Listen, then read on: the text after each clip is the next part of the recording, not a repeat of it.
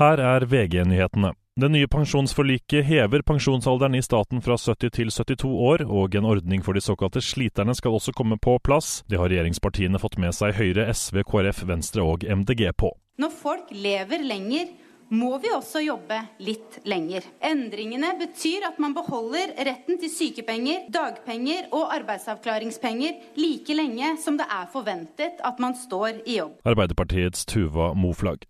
Utenriksminister Espen Barth Eide forventer etterforskning etter rapporter om at over 100 palestinere som ventet på å motta nødhjelp, ble drept i Gaza by. Dette er nok et eksempel på de fullstendig uakseptable handlingene den palestinske befolkningen i Gaza er ofre for, sier Eide til NTB.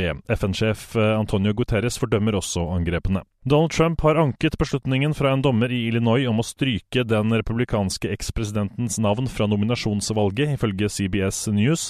Ifølge kjennelsen må Trump utestenges både fra republikanernes nominasjonsvalg i Illinois 19.3 og presidentvalget 5.11.